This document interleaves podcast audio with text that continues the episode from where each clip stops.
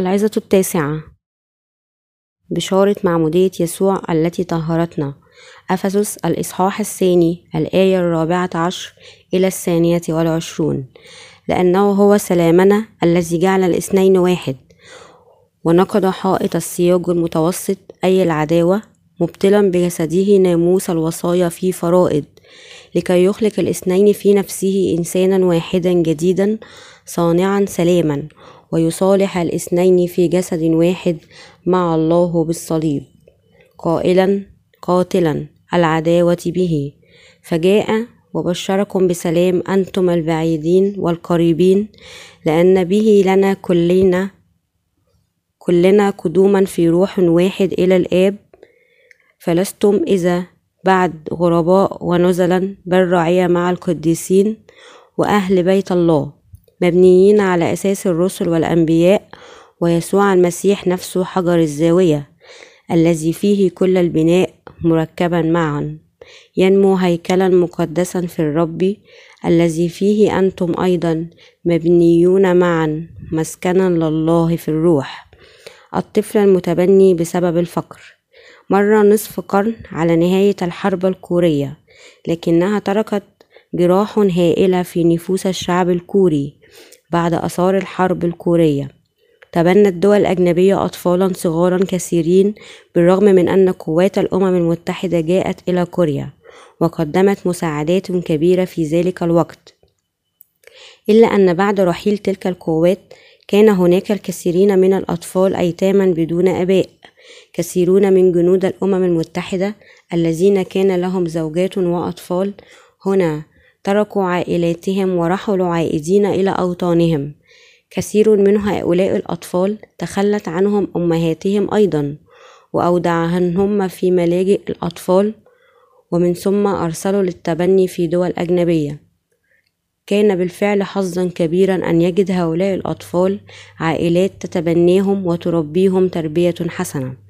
كلما كبر هؤلاء الأطفال المتبنون أدركوا أنهم يبدون مختلفين عن آبائهم وجيرانهم وعلموا أنهم تم تبنيهم من بلد بعيد يسمى كوريا.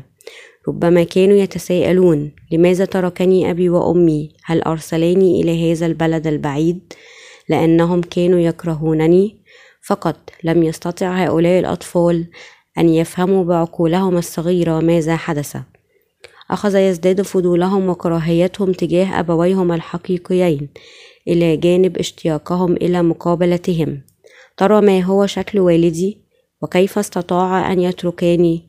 هل فعلا ذلك لأنهما تكرهاني كلا من المحتمل كان لديهما سبب لذلك. من المحتمل أنه كان لديهما الكثير من سوء الفهم وربما شعروا أحيانا بالكراهية الشديدة. ويحتمل أنهم في أوقات أخرى قرروا أن يكفوا عن التفكير في الأمر. لقد مر الزمان قبل حتى أن يعوا ذلك وكبر, وكبر الأطفال وبلغوا ثم تزوجوا وأنجبوا أطفالا وكونوا عائلات خاصة بهم. أصبحت مهتما بهؤلاء الأطفال من خلال برنامج يقدم على إحدى الشبكات التلفزيون المحلية. في إحدى الحلقات استضاف مقدم البرنامج سيدة تعيش الآن في ألمانيا. هذه السيدة كانت متبناه وكانت في ذلك الوقت في العشرينات من عمرها وكانت تدرس اللاهوت.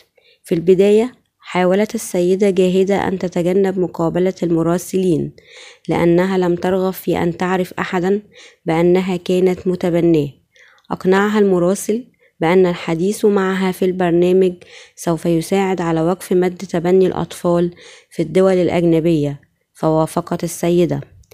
كان أحد أسئلة المراسل ماذا كنت ستقولين إذا استطعت أن تقابلي والديك الحقيقيين؟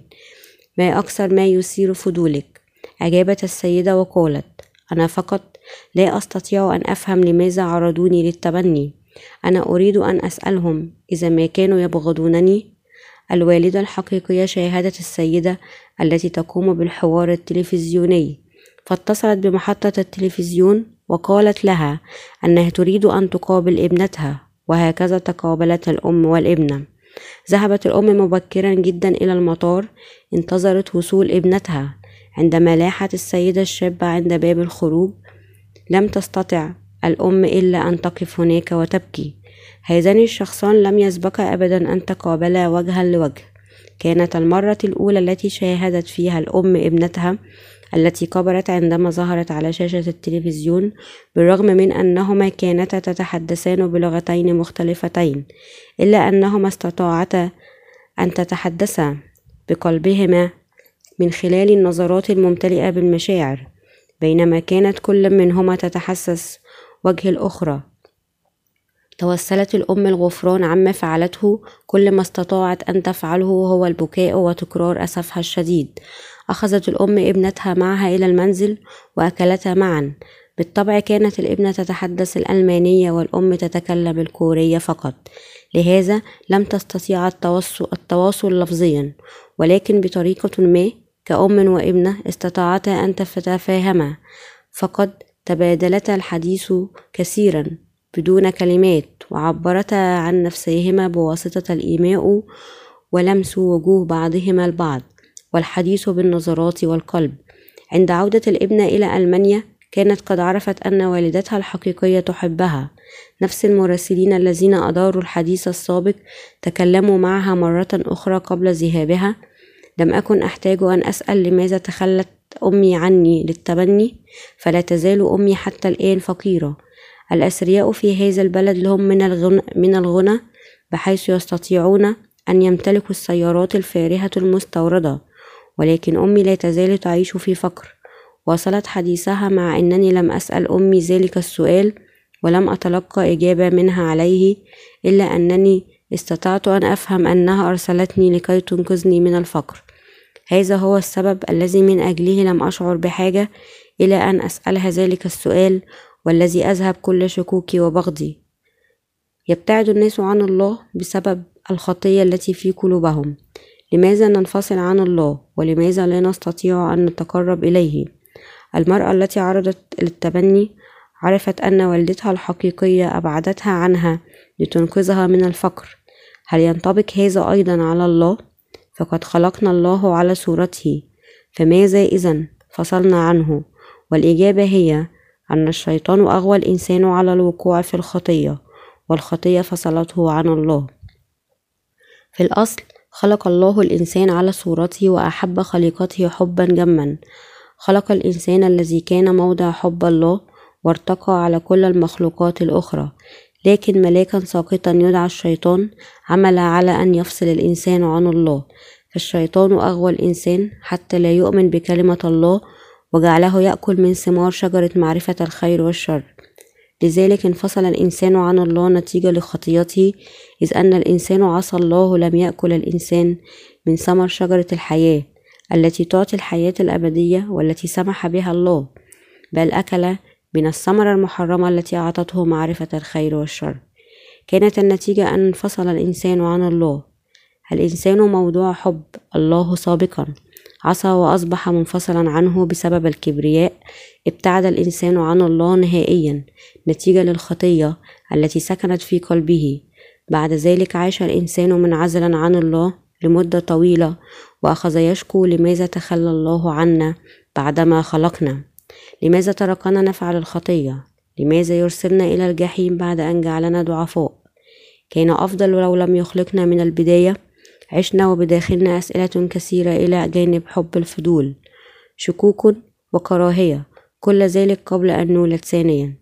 عندما شاهدت المرأة المتبنية في البرنامج التلفزيوني أدركت أن العلاقة بين الإنسان والله تشبه العلاقة التي كانت بين تلك المرأة ووالدتها الحقيقية. لا محنة ولا سوء فهم ولا لعنة ولا خطية من أي نوع يمكن أن تفصل الإنسان عن الله تحت أي ظروف. استطعت أن أفهم أيضا أنه بالرغم من أن العلاقة بين الله والإنسان أساسها الحب فما زال من الجائز أن يحدث سوء الفهم. فكما أن الأم لم تترك ابنتها بسبب الكراهية هكذا فإن الله انفصل عن الإنسان ليس بسبب الكراهية وإنما بسبب الخطية. فليس هناك سبب لكي يكره الله الإنسان وليس هناك سبب لكي يكره الإنسان الله. كل منا يحب الآخر. السبب الذي أبقى الإنسان منفصلا عن الله هو أنه أصبح خاطئا بعد أن استسلم لخدعة الشيطان. ولكن الآن في المسيح يسوع أنتم الذين كنتم قبلا بعيدين صرتم قريبين بدم المسيح لأنه هو سلامنا الذي جعل الاثنين واحدا. ونقض حائط السياج المتوسط أي العداوة مبطلا بجسده ناموس الوصايا في فرائض. أفسس الإصحاح الثاني الآية الثالثة عشر إلى الخامسة عشر. اعتمد الرب من يوحنا ورفع كل خطايا العالم لكي يبطل ناموس الوصايا ثم سفك دمه على الصليب لكي يخلص الإنسان من خطاياه ويسمح له بأن يحتضن من قبل الله. الله يحتضن الآن الذين طهرهم. هل حدث أن تخيلت عالما بلا ماء؟ منذ فترة ليست بعيدة حضرت اجتماع لدراسة الكتاب في مدينة إنشون واحدة من أكبر المواني في كوريا حيث كانت مياه الصنبور منقطعة في ذلك الوقت لمدة أيام قلائل فكرت لا يستطيع الناس أن يعيشوا بدون ماء إن كان لله أن يجعل هذا العالم بدون ماء لمدة شهر سوف يكون من المستحيل العيش في المدن بسبب الرائحة القذارة وحالة العطش العام. يجب أن نفهم قيمة الماء الذي أعطاه لنا الله. فكما أن الماء ضرورة مطلقة للبشر فإن المعمودية التي قبلها يسوع من يوحنا في نهر الأردن لا غنى عنها على حد سواء. لو لم يأتي يسوع إلى هذا العالم ليعتمد من يوحنا فكيف كان يستطيع المؤمنون بيسوع أن ينالوا غفران الخطايا؟ كما أن الناس لا يستطيعون أن يعيشوا بدون ماء فإن كل فرد في هذا العالم كان سيموت بسبب خطاياه لو لم يكن يوحنا عمد يسوع. ومع ذلك لأن معمودية يسوع رفعت كل أثامنا فيمكننا أن نشعر الآن بالثقة في معرفة أن قلوبنا طهرت. وأننا قد نلنا نعمة الخلاص. إن معمودية يسوع أساسية لإيماننا. علاوة على ذلك فإن معموديته ضرورية للتأكيد لنا حتى ننال سكن الروح القدس. بطرس أحد تلاميذ يسوع قال الذي مثاله يخلصنا نحن الآن أي المعمودية لا إزالة وسخ الجسد بل سؤال ضمير صالح عن الله بقيامة يسوع المسيح. بطرس الأولى الإصحاح الثالث الآية الحادية والعشرون. تفيد مقولة بطرس أن يسوع اعتمد من يوحنا المعمدان وسفك دمه على الصليب لكي يخلصنا من خطايانا. إن معمودية يسوع التي طهرت العالم من كل خطاياه هي البشارة الحقيقية. لنلقي نظرة الآن على الفقرة الخاصة بالمرحلة النحاسية المذكورة في خروج الإصحاح 30 الثلاثون الآية السابعة عشر إلى الحادية عشر وكلم الرب موسى قائلا وتصنع مرحضة من نحاس وقاعدتها من نحاس للاغتسال وتجعلها بين خيمة الاجتماع والمذبح وتجعل فيها ماء فيغسل هارون وبنوه أيديهم وأرجلهم منها. عند دخولهم إلى خيمة الاجتماع يغسلون بماء لئلا يموتوا أو عند اقترابهم إلى المذبح للخدمة ليوقدوا وقودا للرب. يغسلون أيديهم وأرجلهم لئلا يموتوا ويكون لهم فريضة أبدية له ولنسله في أجيالهم. كان يوجد في خيمة الاجتماع مرحضة من النحاس موضوعة بين خيمة الاجتماع والمذبح وكان فيها ماء للاغتسال لو لم تكن هذه المرحضة في الخيمة كما كان الكهنة الذين يقدمون الذبيحة ليكونوا قذرين. كم من الدم والقذارة كانت تلطخ الكهنة الذين كانوا يقدمون الكثير من الذبائح اليومية لأجل الناس ويضعون أيديهم على تقدمة الخطية ثم يذبحونها. فلولا المرحضة التي في الخيمة لتلطخ الكاهن بالكثير من الجزارة. لهذا السبب أعد الله لهم هذه المرحضة حتى يستطيعوا أن يتقربوا إليه بأيد طاهرة. كان الخطاة ينقلون خطاياهم بوضع أيديهم على رأس تقدمة الخطية ثم يقوم الكهنة بتقديمها ذبيحة للإله نيابة عنهم. لقد أعد الله المرحضة النحاسية حتى يقدر الكهنة أن يدخلوا إلى القدس فيستطيعوا أن يغتسلوا بالماء لئلا يموتوا. حتى الكاهن لا يستطيع أن يدخل القدس وهو ملطخ بدم الحيوانات لذلك السبب كان الكهنة ينظفون كل القذارة بماء المرحضة حتى يقتربوا إلى الله بعد تقديم الذبائح لأجل الشعب. معمودية يسوع طهرت كل خطايا العالم. بواسطة معمودية يسوع من يوحنا في نهر الأردن انتقلت جميع خطايا العالم إليه وكان تخطيصه الكامل في الماء رمزا لموته وصعوده من الماء رمزا لقيامته. وبعبارة أخرى اعتمد يسوع من يوحنا ليحمل خطايا العالم ودفع أجرة الخطية بموته على الصليب. كان موته ليدفع ثمن خطايانا وبقيامته أعطانا حياة أبدية. إذا لم نؤمن أن يسوع رفع كل خطايانا بواسطة معموديته فإن قلوبنا سوف تمتلئ بالخطية. في هذه الحالة كيف يمكن أن نتقرب إليه؟ إن بشارة مغفرة الخطايا ليست مجرد عقيدة طائفة من الطوائف لكنها الحق من الله. لا نستطيع أن نسلك في الإيمان بدون معرفة كاملة أي أننا لا نستطيع أن نغلب العالم إذا كنا لا نهتم فعلا بمعمودية يسوع من يوحنا. كما أن كل الكائنات الحية تحتاج إلى الماء لتبقى على قيد الحياة كذلك نحن نحتاج إلى غفران الخطايا وماء معمودية يسوع حتى نحيا بالإيمان وندخل ملكوت السماوات. كان ينبغي أن يتعمد يسوع يموت على الصليب ويقوم لكي يخلصنا من خطايانا. هذه هي بشارة الماء والروح التي يجب أن نؤمن بها من كل قلوبنا. وبالرغم من أن يسوع صلب حتى الموت على الصليب فهو لم يفعل شيئا يستحق عليه هذه العقوبة. جاء إلى هذا العالم لكي يمحو خطايانا فتعمد في سن الثلاثين وصار مخلصنا من خلال موته على الصليب وهو في سن الثالثة والثلاثين. أراد الله أن يجعل من البشر أبناء له بصرف النظر عن كوننا ضعفاء وخطاة. لذلك السبب تعمد يسوع وهبنا الله غفران الخطايا وعطية الروح القدس في وقت واحد. يقول الكتاب المقدس أنه إن لم يولد الإنسان من الماء والروح لا يقدر أن يرى أو يدخل ملكوت الله. يوحنا الإصحاح الثالث الآية الثالثة إلى الخامسة. يجب أن تعرف وتؤمن أن يسوع اعتمد لكي يطهرنا من كل خطايانا حتى لو كان الشخص مسيحيا مولودا ثانيا إذا لم يتأمل في حقيقة أن يسوع المسيح حمل كل خطايا العالم بواسطة معموديته فإن قلبه سوف يتلوث عنه قريب. لأننا كائنات جسدانية فإننا معرضون للتلوث من الخطية حتى في الحياة اليومية.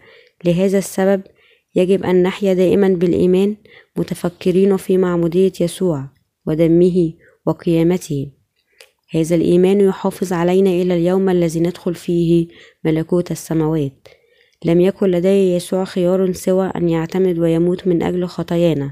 لذلك يجب أن نؤمن أنه بفعله ذلك أتى بالخلاص لنا. ليس علينا شيء أكثر من أن نؤمن بهذه البشارة الحسنة لكي نتحرر من كل خطايا العالم. نشكر الرب الذي أعطانا بشارة الماء والروح. إن أعظم عطية وهبها الله لنا هي أنه أرسل ابنه الوحيد ليخلصنا من كل خطايانا بواسطة معموديته ودمه. سبب أننا لم نستطع أن نقترب إلى الله واضطرنا أن نحيا بعيدا عنه هو الخطية التي كانت في قلوبنا. يسوع اعتمد من يوحنا ليرفع كل خطايا العالم ومات على الصليب لكي يهدم الحاجز الذي كان يفصل بين الله والإنسان. إن العلاقة بين الله والإنسان تم استرجاعها بواسطة معموديته ودمه. نشكره على هذه العطايا. إن محبة الوالد الجسدي تجاه ابنه عظيمة. ولكنها لا تقارن بمحبة الله التي بها خلصنا يسوع نحن الخطاة. إن معمودية يسوع ودمه كلاهما هامان. لو لم يوجد ماء في هذا العالم هل كان سيعيش أي كائن حي؟ فبدون معمودية يسوع ما كان يوجد إنسان بدون خطية في قلبه. لو لم يتعمد يسوع ولم يموت على الصليب ما كان أحد نال غفران الخطايا. ولكن لحسن الحظ اعتمد يسوع وقدم الذبيحة النهائية من أجلنا بالرغم من أننا غير كاملين وعرضة للسقوط في الخطية إلا أننا يمكن أن ننال الروح القدس من خلال الإيمان بمعموديته ودمه على الصليب. إن الذين يؤمنون بمعمودية يسوع المسيح وموته على الصليب يمكنهم الاقتراب إلى الله. نصلي إليه ونحمده نحن. يمكن الآن أن نحمد الرب ونعبده لأننا صرنا أبنائه. هذه هي نعمة الله وبركته أن بشارة معمودية يسوع ودمه على الصليب رائعة حقا. نستطيع جميعا أن ننال الخلاص وسكن الروح القدس بواسطة الإيمان بهذه البشارة الحسنة.